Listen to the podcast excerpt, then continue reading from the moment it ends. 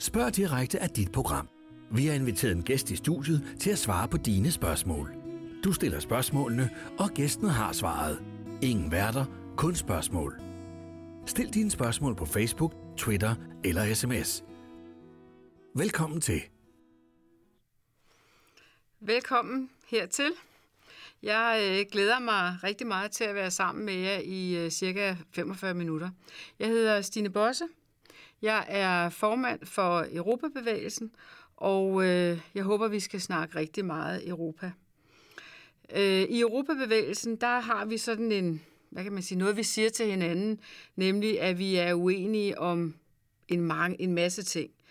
Øh, og det er helt legitimt. Vi er øh, alle mulige forskellige politiske partier, men vi er enige om en ting, og det er, at Europa er helt centralt for os alle sammen, og at den europæiske union er et vigtigt projekt. Slet ikke færdigudviklet, men meget vigtigt.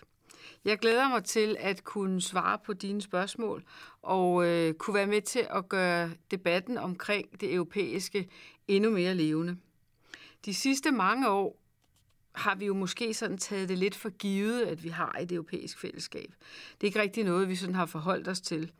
Men øh, de seneste år, og særligt efter 2015, hvor vi jo havde den meget store øh, migrant- og flygtningetilstrømning, der har øh, Europa og EU jo været på alles læber. Så øh, spørg frit frem, kom med tanker, idéer og, øh, og noget, du kunne tænke dig at debattere med mig. Søren, han har så spurgt nu, øh, kan EU klare sig efter Brexit? Og øh, Brexit, hvis ikke alle lige er klar på, hvad det er, så er det jo det faktum, at Storbritannien i marts måned næste år øh, endeligt forlader det europæiske fællesskab. Så har de endda to år at løbe på efter det, men, øh, men det er sådan set lidt mere teknisk. Ja, øh, den europæiske union kan klare sig øh, efter Storbritannien har forladt os. Men, øh, men det er klart, at det kommer til at få konsekvenser. Det kommer til at få store og dramatiske konsekvenser for mennesker, der bor i Storbritannien, men det kommer selvfølgelig også til at have konsekvenser for os. Men vi skal huske, at vi, der er tilbage, stadigvæk udgør en meget, meget stor øh, og stærk økonomi, også stor og stærk i en global sammenhæng, og, øh, og meget større øh, naturligvis end den øh, økonomi og den øh, gruppe af mennesker, der, der forlader os. Det er mit store ønske, at der kan blive indgået nogle gode øh, og fornuftige aftaler med Storbritannien, men, øh, men jeg tror også, man skal se for sig, at os, der er tilbage, vi kommer ikke til at give ved dørene. Øh, og det kan lyde lidt barst, men, men det er så nemt at sige, at øh, selvfølgelig skal Storbritannien have en god aftale, men når det bliver konkret, når det bliver noget med fiskefordeling øh, og fiskeriaftaler, så, så er det straks noget andet, og så er det straks mere vanskeligt øh, at bare sige, at de skal selvfølgelig have en god aftale. Og sådan er det øh, på øh, tonsvis af områder, jeg synes naturligvis, at Storbritannien skal behandles ordentligt, men jeg synes, den allerstørste opgave helt naturligt for øh, os, der er tilbage i EU, det er selvfølgelig også, at vi er stærke sammen, øh, og at, øh, at vi kan øh, arbejde videre med at skabe projektet. Som jeg sagde før, er det ikke færdigt. Lene spørger nu, skal vi have mere EU? Og ved du hvad, Lene, det, det er faktisk et svært spørgsmål at svare på. Men, men hvis vi nu siger, at øh, i Danmark, der er vi et land, der har rigtig, rigtig meget glæde af øh, vores europæiske fællesskab. Og vi skal altid huske, at når vi siger det europæiske fællesskab, så er det et forpligtet fællesskab. Det vil sige, at når man forpligter sig i et fællesskab, det er egentlig lidt ligesom en familie, så er der noget af det, man rigtig godt kan lide, og det er rigtig dejligt at spise mad sammen, og det er rigtig hyggeligt at øh, se en film sammen i fjernsynet, men det er måske knap så hyggeligt, at der skal ordnes vasketøj, og at der skal tømmes opvaskemaskine. Men sådan er det faktisk også i den europæiske union. Der er noget, vi er glade for, og der er noget, vi er mindre glade for. Men det er et forpligtende fællesskab. Kigger vi på Danmark, så vil jeg sige, jeg tror, vi skal have øh, mere EU. Jeg tror, vi skal se for os, at vi inden for de kommende 3 til fem år kommer til at tage stilling til, om vores forsvarsforbehold egentlig er så klogt og så fornuftigt øh, præcis i den tid, vi lever i. Det er ikke helt som det var engang med en russisk Putin, øh, og der sætter jeg navn på, fordi det russiske folk øh, er sådan set på alle mulige måder mindst lige så søde og rare mennesker, som, som vi er i den her del af Europa, men de har altså i hvert fald forløbig valgt at have en diktator øh, som, som deres øh, overhoved. Og øh, der foregår rigtig mange ubehagelige ting i Rusland, og det er ikke et frit samfund. I Europa, der fejrer vi frihed, og vi fejrer, at vi øh, må tale frit, og vi må tænke frit, og vi må mene øh, forskellige ting, og vi stemmer, og vi har rigtige valg. Det har man ikke på samme måde i Rusland. Og øh, jeg tror, når man kigger på det billede, der er med trusler fra Rusland, med øh, et øh, NATO, som vi altid har kunne regne med til dato, men hvor man må sige, at præsidenten i USA i dag, han har jo altså stillet nogle spørgsmålstegn ved, om den solidaritetspagt NATO i virkeligheden er, om den egentlig holder hele vejen. Vi kan tale om øh, øh den situation, vi har i Tyrkiet, med en Erdogan, som i den grad også er en, en spil, øh, spillende faktor i hele det her. Og så naturligvis øh, også den situation, vi har øh, ved Middelhavet med presset fra en mellemøst-situation, der absolut ikke er stabil. Det putter Dan- Danmark og hele resten af Europa i en meget mere vanskelig øh, militærstrategisk position, end vi har set i meget, meget lang tid. Og der tror jeg, at vi gør klogt i i Danmark øh, at overveje, om ikke det var på tide, at vi opgav vores forsvarsforbehold. Øh, I modsætning til, hvordan det var engang, så er al tanke om en Europa her jo for længst opgivet. Og det, man melder sig ind i, det er i virkeligheden et tæt militært samarbejde, hvor man altså både på den måde, man indkøber på, på den måde, man træner på, på den måde, man øver sig øh, på forskellige sæt og vis, sørger for, at vi hele tiden er bedst muligt rustet til mindst mulig udgift. Og øh, de her ord kommer altså i virkeligheden fra en person, der dybest set er pacifist. Jeg tror bare ikke, vi skal være naive. Så på det område, der tror jeg i den grad, at vi i Danmark vil kunne få glæde og gavn af mere EU. Jeg tror også, at resten af vores forbehold, retsforbeholdet, som vi for ikke ret lang tid siden var øh, til en afstemning omkring, jeg tror, vi over tid kommer til at forholde os til det igen. Fordi jeg tror, det bliver så åbenbart for os alle sammen, at det vi sagde nej til, i realiteten sagde vi nej til indflydelse, fordi den aftale, vi efterfølgende fik, gør, at vi kan leve nogenlunde øh, inden for samme, øh, hvad kan man sige, rammer, som øh, resten af, af EU gør i forhold til Europol, men vi sidder fuldstændig uden for indflydelse. Og jeg hører til de mennesker, som synes, at hvis man, hvis man skal bære nogle af byrderne, så skal man også have indflydelse. Så jeg tror, vi kommer til at tale om vores retsforbehold igen, ikke inden for fem år, men på et tidspunkt ude i fremtiden. Og så tror jeg faktisk også, at vi kommer til at overveje, om ikke det var bedst for os at blive en del af den europæiske monetære, øh, altså valuta, øh, euroen. Det tror jeg ligger meget langt ude, fordi der er mange følelser forbundet til, til vores krone og alt muligt andet. Men også her skal vi bare huske, at fordi vi har bundet vores valuta 100% med fastkronepolitikken, eller fastkurspolitikken til euroen, så er vi igen i en situation, hvor vi jo altså bare følger med, og vi sidder uden for indflydelse. Jeg synes, vi skal gøre op med det på et tidspunkt, men det ligger nok et pænt stykke ude i fremtiden. På alle mulige andre områder tror jeg, at øh, udviklingen af EU kommer til at hedde øh, nogle steder noget mindre, og nogle andre steder noget mere. For nogle år siden tror jeg ikke, vi havde forestillet os for eksempel, at persondatabeskyttelse var noget, der hører til øh, i et EU og i et øh, fællesskab der. Men det er det nu. Øh, og det giver rigtig meget mening, og alt andet giver ingen mening. Og på den måde tror jeg, der vil opstå nogle nye områder, hvor vi kommer til at vælge EU til, og så vil der være nogle områder, hvor det ikke giver mening, at det skal være et europæisk, en europæisk løsning. David spørger nu, hvad er grunden til, at EU har valgt, at man må sælge svensk snus? Øh, jeg ved ikke, om du, om du mener, at man ikke må sælge svensk snus, eller at man må sælge svensk snus. Jeg var faktisk af den overbevisning, at man ikke måtte sælge svensk snus. Så, øh, så det kan være, der mangler et ikke øh, inde i sætningen. Det kan være, at David han lige vil uddybe det. Men øh, hvis jeg skal sige noget generelt om, hvorfor vi har fælles regler øh, i Europa omkring både tobak og mælk og alle mulige andre produkter, som vi nyder og som vi putter i munden eller trækker ned i lungerne eller hvad det nu måtte være, så er det jo fordi, vi har et handelssamarbejde.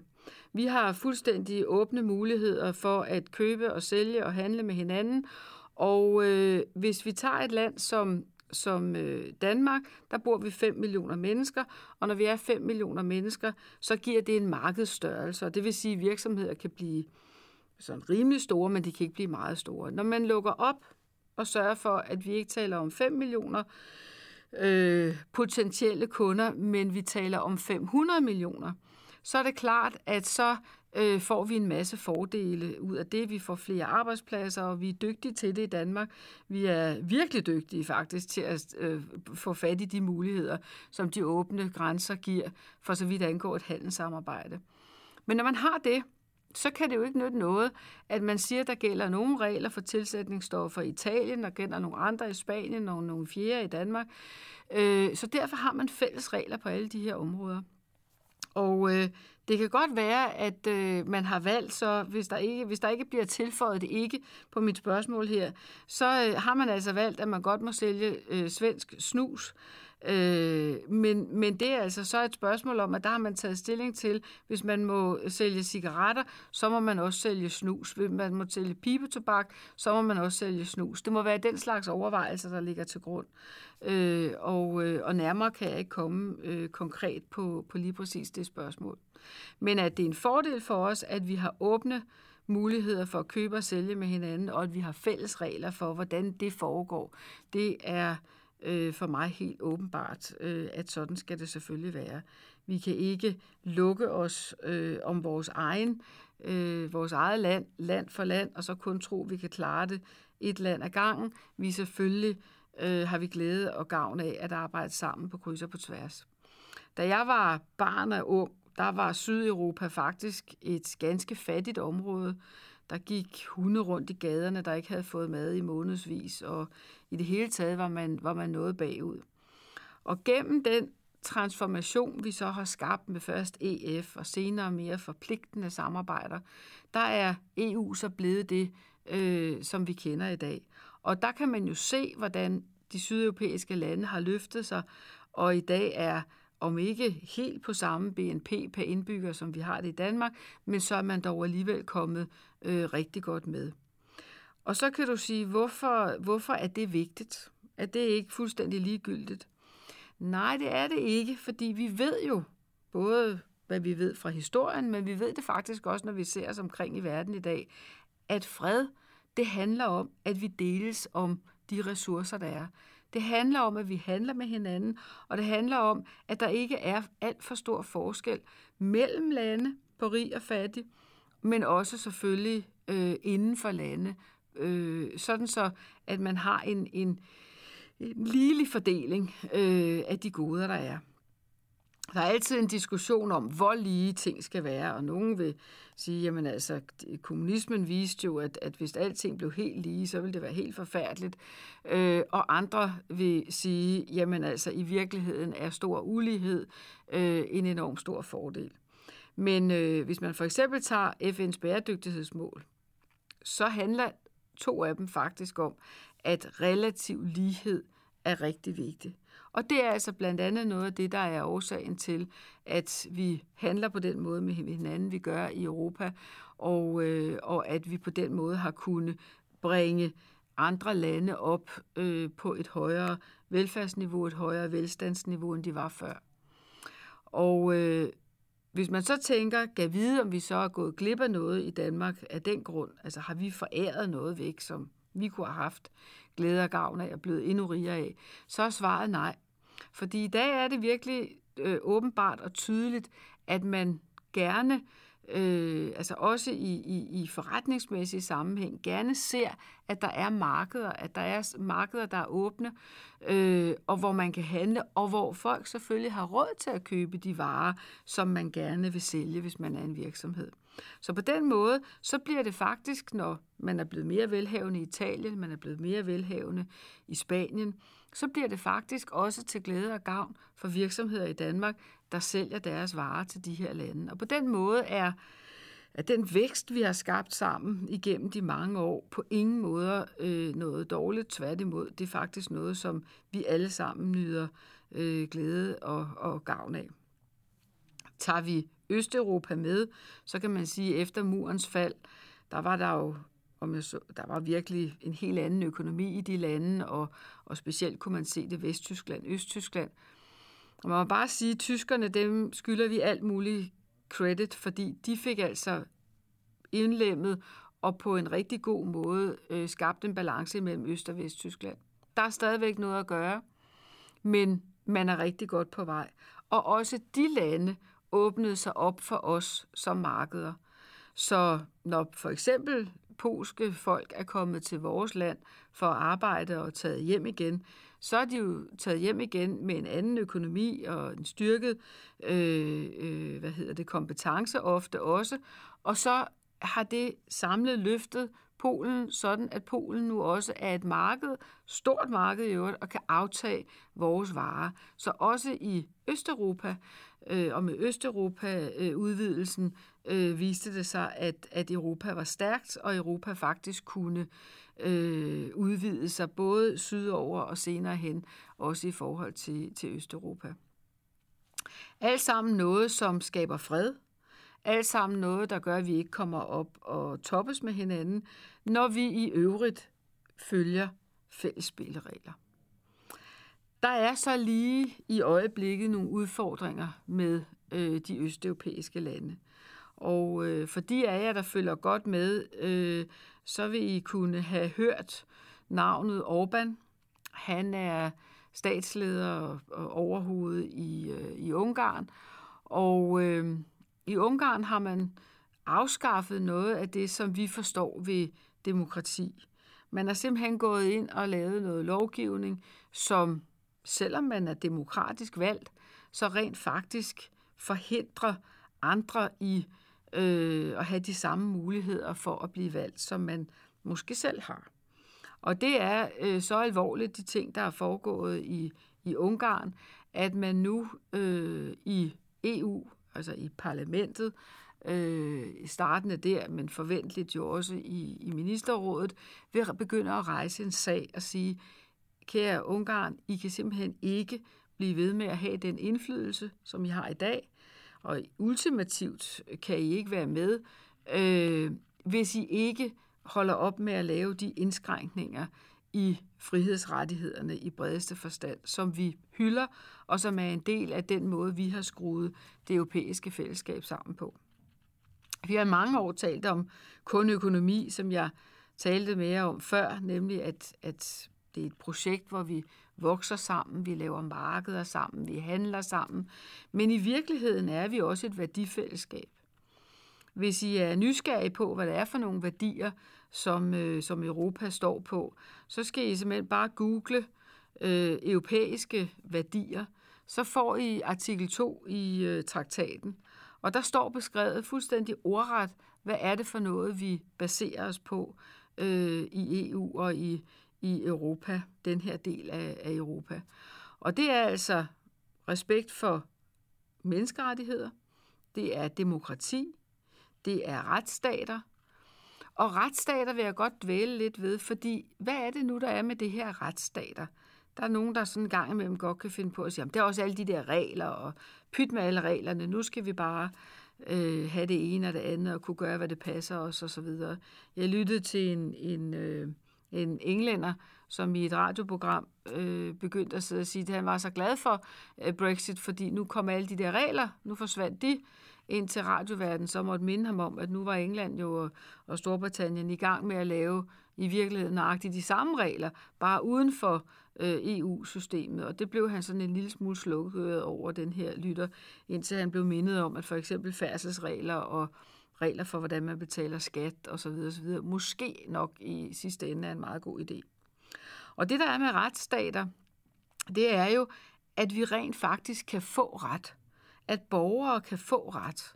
Og øh, at man, hvis man for eksempel har øh, købt et eller andet, og det ikke virker øh, efter hensigten, jamen så kan man altså i sidste ende, hvis man er ude af øh, alle mulige andre klagemuligheder, så kan man faktisk øh, rejse en retssag. Og, og det, det er noget, vi tager for givet. Vi tror, sådan er det bare. Men der er jo rigtig mange steder i verden, som slet, slet ikke fungerer på den måde.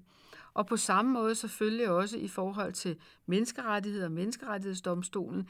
I sidste ende handler det jo om, at vi alle som borgere er beskyttet på vores menneskerettigheder i forhold til øh, staterne. Og, og det kan man godt sige, jamen staterne, det er jo også vores allesammens. Ja, men der kan være situationer, hvor man som enkeltindivid, som borger, føler, man er kommet i klemme i forhold til sin egen retssituation øh, og i forhold til den stat, som man nu engang bor i. Alle disse goder, inklusiv ytringsfrihed, som jo også er vigtigt. Lige nu her, der har vi øh, rigtig meget øh, øh, glæde og gavn af ytringsfriheden. Jeg sidder her og ytrer mig frit, og I kan spørge frit. Øh, men det er også en værdi, som vi skal kende og som vi skal værne om, for det den er i den grad ikke noget, man har alle steder i verden. Nu spørger Lars, hvad arbejder du med? Ja, Lars, det vil jeg selvfølgelig meget gerne svare dig på. Jeg øh, har været i mange år direktør i et forsikringsselskab. Det var jeg ikke i alle årene. Jeg startede som fuldmægtighed det dengang, øh, og så arbejdede jeg mig op igennem systemet og endte med at blive administrerende direktør. Før det, der har jeg arbejdet på et plejehjem. Jeg har arbejdet på en, øh, et hvad hedder sådan noget, forsamlingshus. Jeg har arbejdet på en kursusejendom, hvor jeg øh, hvad hedder det, gjorde rent. Og jeg har faktisk også arbejdet som frivillig, ja, det fik man penge for, men det hed frivillig, øh, i Kriminalforsorg, mens jeg læste. Jeg er jurist af uddannelse. For nogle år siden besluttede jeg mig så for, at nu skulle det være slut med at hænge i en klokkestreng på den måde, man gør, når man er administrerende direktør og arbejder så mange timer om ugen, som jeg gjorde dengang. Og så sagde jeg, nu vil jeg noget andet. Øh, og i dag, hvis du spørger, hvad jeg arbejder med i forhold til at få penge for, hvad jeg laver, så arbejder jeg med bestyrelsesarbejde både i Danmark øh, og uden for Danmarks grænser. I Grønland og på Færøerne øh, og i Tyskland. Og øh, derfor uden så er jeg altså formand for Europabevægelsen, som jeg beskrev tidligere. Jeg kan lige hurtigt beskrive den igen, hvis du er kommet til undervejs. Det er en tværpolitisk øh, bevægelse, hvor vi altså er uenige om det meste, bortset fra, at vi synes, at øh, det europæiske fællesskab er en rigtig, rigtig god idé. Og så en ting mere, jeg laver, det er, at jeg er formand for det, der hedder øh, Plan. Børnefonden, øh, tidligere to forskellige organisationer, for nyligt lagt sammen. Og vi arbejder med bekæmpelse af ekstrem fattigdom og udvikling i nogle af verdens aller, aller fattigste lande. Der, hvor jeg har arbejdet mest, har været i Vestafrika, som jo altså ligger lige nedenunder det bælte af, af, af lande, vi kender, hvor man, hvor man migrerer fra. Og nogle af de lande, jeg har, jeg har arbejdet i der, og stadigvæk øh, har øh, nær tilknytning til, øh, der er, det er også de lande, hvor folk jo det er ikke noget, man kommer i tanker om, fordi det er ikke sådan noget, man lige vågner op øh, en morgen og tænker, nu vil jeg til Europa. Det er sådan set noget, man overvejer i mange, mange, mange år øh, og tænker rigtig grundigt over, fordi det er en meget farefuld færd. Men det er fra nogle af de lande, at vi ser, at mennesker beslutter sig for, efter grundig overvejelse, at ville forsøge at gøre øh, turen til Europa. Noget, som vi naturligvis øh, i alle lande i Europa øh, ser som en, en udfordring. Vi kan jo af helt oplagte grunde ikke invitere alle mennesker øh, fra Afrika, der måtte ønske det, øh, til Europa og slå sig ned her. Det kan simpelthen ikke lade sig gøre. Øh, men vi kommer til øh, de kommende år at finde løsninger sammen. Og øh, nu har vi lige lyttet til Ja, de er der er interesserede, Altså, det er jo ikke sikkert, at alle jer, der lytter med her, har, har gjort det. Men de af os, der er meget interesserede i europæisk stof, har lyttet til øh, Junkers øh, tale. Og øh, det hedder sådan State of the Union, altså hvor han gør regnskab for, hvordan går det egentlig i det europæiske fællesskab. Og der har han øh, beskrevet meget klart og tydeligt, hvordan man nu lægger forslag frem, som handler om, at man både skal bevogte de ydre grænser, altså EU's ydre grænser, også mod syd. Der tales om 10.000 af øh, fælles grænsevagter. Men han taler også om, og det er nok så vigtigt at bemærke det, hvordan man i samarbejde med øh, Øh, lande i Afrika både vil sikre, at man kan sende folk retur, som alligevel har, man kan næsten sige, forvildet sig op til os, øh, men også arbejde, hvordan kan man igennem store investeringsprogrammer faktisk være med til at skabe arbejdspladser. Det er nemlig sådan, fuldstændig som i Danmark, eller i Sverige, eller i Tyskland, eller i Frankrig, at for alle landene i Afrika gælder, at det naturligvis er aller, aller vigtigst for unge mennesker. Hvad er det for en drøm, de har? De har drømmen om at få et job. Så enkelt er det. De har drømmen om at få en indtægt, kunne klare sig selv, kunne stifte familie, kunne sørge for, at børnene kan komme i skole, og så videre, og så videre. Der er i virkeligheden ikke øh, himmelvid forskel. Der er meget, meget, meget store forskelle på vores muligheder for at realisere nogle af øh, drømmene. Og man kan sige, for os, der bor i, i den her del af verden, der handler det om en plan, og for de mange mennesker, som bor øh, i Afrika, for langt, langt, langt de fleste, der handler det om at have et håb. Det er jo langt fra sikkert, at de kan realisere deres forhåbninger, og det er faktisk også, når man er et lille barn, langt fra sikkert, at man overhovedet nogensinde når at blive voksen. Det er en af grundene til, at man får så mange børn i Afrika, det er sådan set en helt naturlig øh, model. Vi har selv haft den i det her land, det er ikke så frygtelig mange år siden.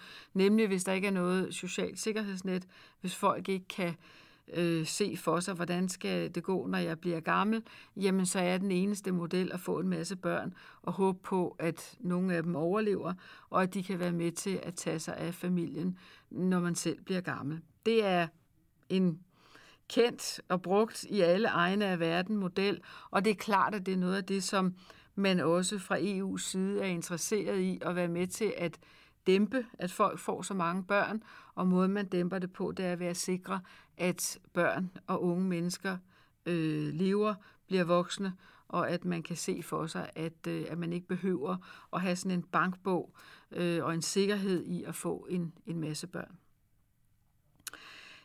Hvis vi kigger på øh, situationen i øvrigt, øh, den anden del af, øh, tilstrømningen til Europa, det her, det var migrationen, altså folk, der flytter sig for at få et bedre liv, øh, og for at øh, kunne sende en lille bitte, bitte smule penge hjem. Og der skal I forestille jer, at der skal ikke ret mange penge til, før det kan gøre en kæmpe forskel i nogle af de her øh, lande i Afrika. Men kigger vi på den anden side af det, nemlig det vi øh, kender som flygtninge, så er det jo defineret ved, at det er mennesker, der flygter. Øh, ikke for at få et bedre liv, men for slet og ret at redde deres liv. Øh, enten flygter de fra en krig, øh, Syrien er det seneste eksempel, øh, eller også så flygter de fra forfølgelse. Og øh, desværre er det sådan, at der er rigtig mange af landene i Mellemøsten, og også lande i Afrika, hvor det ikke er sikkert at mene noget. Der er ikke ytringsfrihed, der er ikke beskyttelse på den samme måde, som vi helt naturligt kender det i vores del af verden, øh, i forhold til øh, en opposition. Så det at være oppositionspolitiker i nogle af de her lande, det er simpelthen forbundet med livsfare. Og de mennesker, der flygter, enten på grund af en krig, eller på grund af, at de øh, er uleset øh, af systemet. De mennesker øh, mener jeg naturligvis, at vi er forpligtet til at øh, hjælpe i, øh, i vores del af verden. Hvordan man gør det, om det er steder tæt på øh, de lande, man flygter fra, eller om det også er øh, hos os i Europa, øh, det, det er en, en, en vigtig øh, og en svær diskussion. Jeg tror, man er nødt til at have begge elementer øh, med de flygtningestrømme, vi ser øh, nu i verden. Og øh, jeg tror, det seneste tal er i nærheden af 70 millioner. Og desværre må vi nok bare konstatere, at det tal kommer til at stige i de kommende år, både på grund af uroligheder, men også på grund af de klimaudfordringer, som verden står med. Det har været kendt længe, at når klimaet ændrer sig, så bliver det ikke et kæmpe problem i den her del af verden, og men det jo med den sommer, vi lige har lagt bag os, var jo en dejlig sommer, men hvis man er landmand, så tror jeg ikke nødvendigvis, man synes, det var den bedste sommer nogensinde. Så hos os i den her del af verden får vi også udfordringer.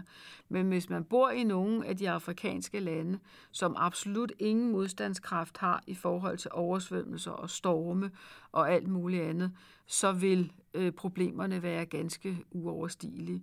Og det er derfor, man taler om, at de mængder af flygtninge, som vi ser nu, de vil øh, i de kommende år desværre øh, forventeligt blive endnu større. Og derfor så haster det med, at vi får gjort noget ved det.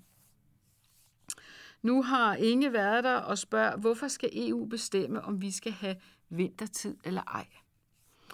Ja, det kan man jo... Øh, altså, jeg, jeg må sige, jeg hører til dem, der er meget irriteret over, at vi lige om lidt ved den her årstid, så føler jeg det ligesom om, at så bliver lyset slukket. Øh, jeg kunne faktisk meget bedre personligt tænke mig, at, at det bare var, ligesom det var øh, engang, nemlig at det gik sådan mere jævnt ud i det hele.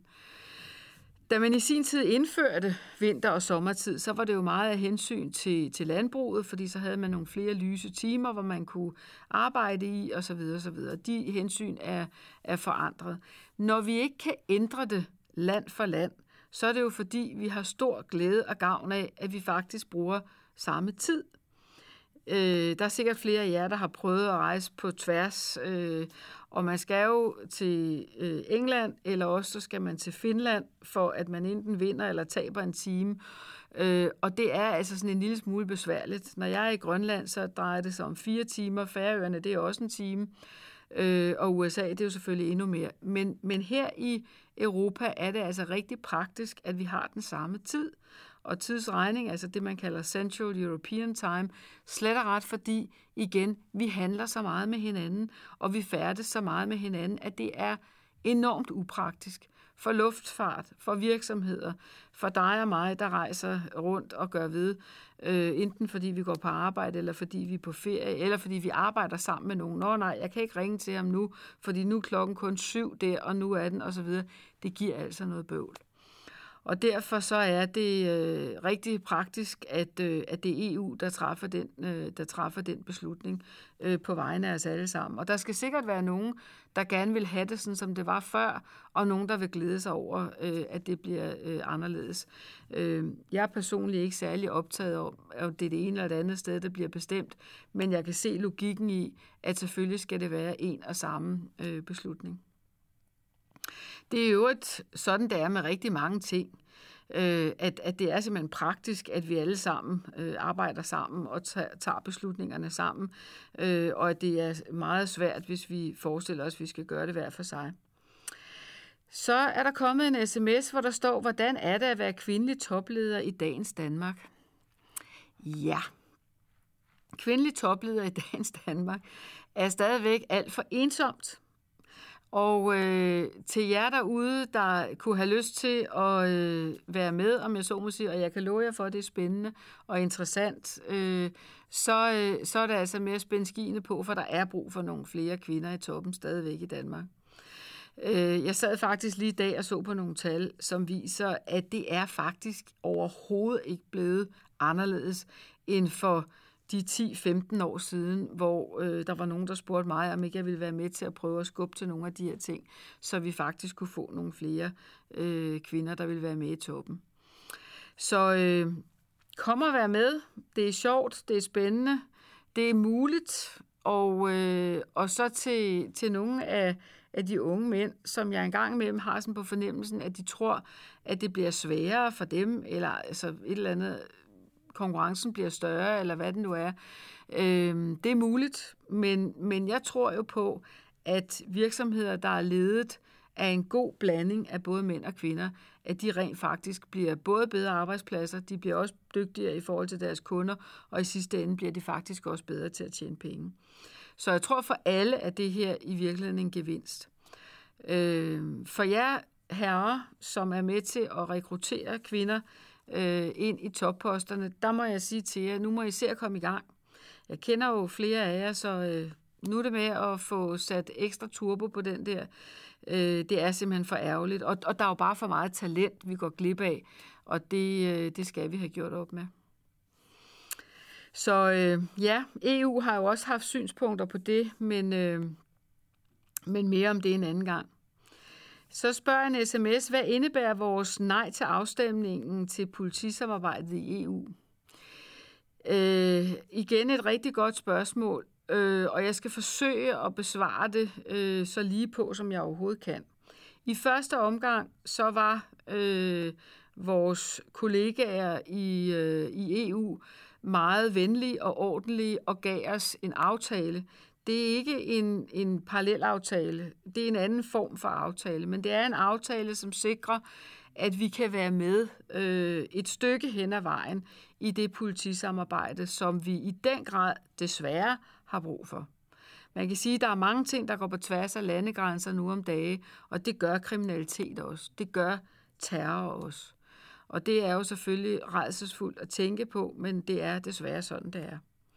Den aftale, vi har lige nu, den sikrer os et stykke hen ad vejen. Den giver os mulighed for, godt nok gennem nogle særlige procedurer, men den giver os muligheder for at slå op øh, i de øh, registre, som vi har brug for, øh, men ikke med helt samme hastighed, som det vi kunne før.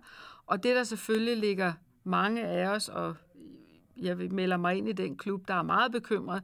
Det, der ligger også på sinde, det er, at den udvikling, der altid sker i sådan nogle øh, institutioner som Europol. Der, hvor vi faktisk begynder at øh, lære hinanden at blive dygtigere sammen og, og få nye ting, nye muligheder for at slå op øh, i registrene osv. Længere ud til de enkelte politifolk, så man vinder tid i tilfælde af, at man står over for nogle af de her frygtelige situationer. Noget af det øh, kommer vi altså ikke til at være med til øh, og med i øh, i første ombæring. Vi ved ikke endnu, hvad konsekvenserne af det er. Øh, jeg har det bare sådan, at jeg har ikke lyst til at vente på, at der måtte opstå en situation, hvor vi får syn for sagen. Og jeg kan ikke forstå, at vi ikke på så vigtigt et tryghedsområde er enige om, at der skal vi både have de bedste værktøjer, de hurtigste værktøjer, og hvad jeg synes der er lige så vigtigt, at vi skal være med til at udvikle dem. Det henstår for mig som en stor gåde, hvordan vi overhovedet kan komme til at diskutere øh, at så noget her skulle være tab af kontrol eller tab af suverænitet, fordi det er slet og ret en suverænitet, vi aldrig nogensinde kan have alene. Vi kan kun have den suverænitet sammen med andre. Så jeg håber, at vi relativt hurtigt kan komme tilbage på sporet der. Men som jeg sagde indledningsvis, så tror jeg, at vi skal forbi en øh, afstemning omkring vores forsvarsforbehold, før vi igen kan komme til at diskutere det her øh, meget, meget centrale område. Niels spørger, mener jeg, at Danmark skal gå ind i eurosamarbejdet? Og ja, Niels, det mener jeg faktisk. Jeg mener ikke det nu, øh, fordi der er stadigvæk for meget øh, usikkerhed tilbage efter finanskrisen, hvor det vil blive på en eller anden måde øh, for, for svært at spå helt om, hvordan det her til kommer til at udvikle sig.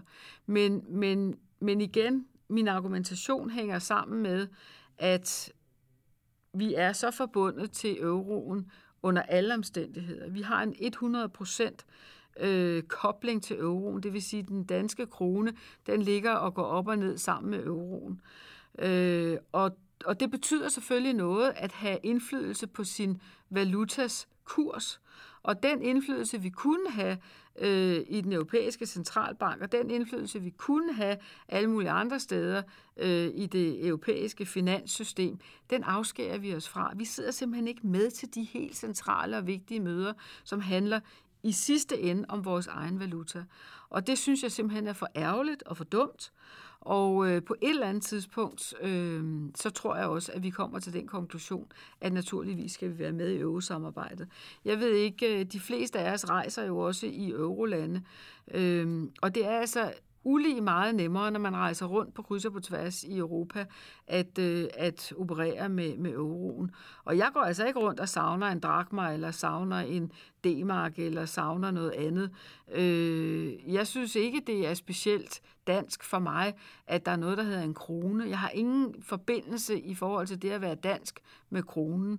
Der er masser af andre ting, der for mig er meget vigtigere. Så, øh, så jeg tror, at vi skal det på et tidspunkt, og vi skal det også, fordi det er vigtigt, at lande som Danmark er med til at påvirke øh, valutaen, som vi så i øvrigt er så 100% afhængige af. Ja, det var, det var lidt om euroen. Nu kommer Nikolaj på banen, og han spørger, hvad er dit bedste råd til en, som står over for at blive selvstændig erhvervsdrivende? Øh, det er fantastisk. Øh, dejligt spørgsmål, Nikolaj, også til dig. Øh, jeg havde faktisk en far, som var øh, selvstændig. Og jeg vil sige til dig, der er flere ting, jeg vil sige til dig som et, et godt råd. For det første, så fedt, at du har den ambition. Og bliv ved med det. Det er præcis øh, en masse af, af sådan nogen som dig, som Danmark også har brug for. Vi skal ikke alle sammen være lønmodtagere. Det er fint at være lønmodtager, men det er sandelig også godt at være iværksætter og være selvstændig. Øh, du skal holde godt og grundigt øje med, når du starter som selvstændig. Nu ved jeg ikke, hvad det er indenfor, men når du starter som selvstændig, så skal du tænke meget over, er du selvstændig for, for et dansk marked på 5 millioner mennesker, eller kan du tænke din virksomhed ud til de 500 millioner mennesker, vi hele tiden taler om her i, i, i Europa? Og kan du det sidste, så skal du gøre det, fordi det giver en helt anden vækstmulighed for din virksomhed. På det personlige plan, så vil jeg sige til dig, at øh, det er vanvittigt spændende at være selvstændig.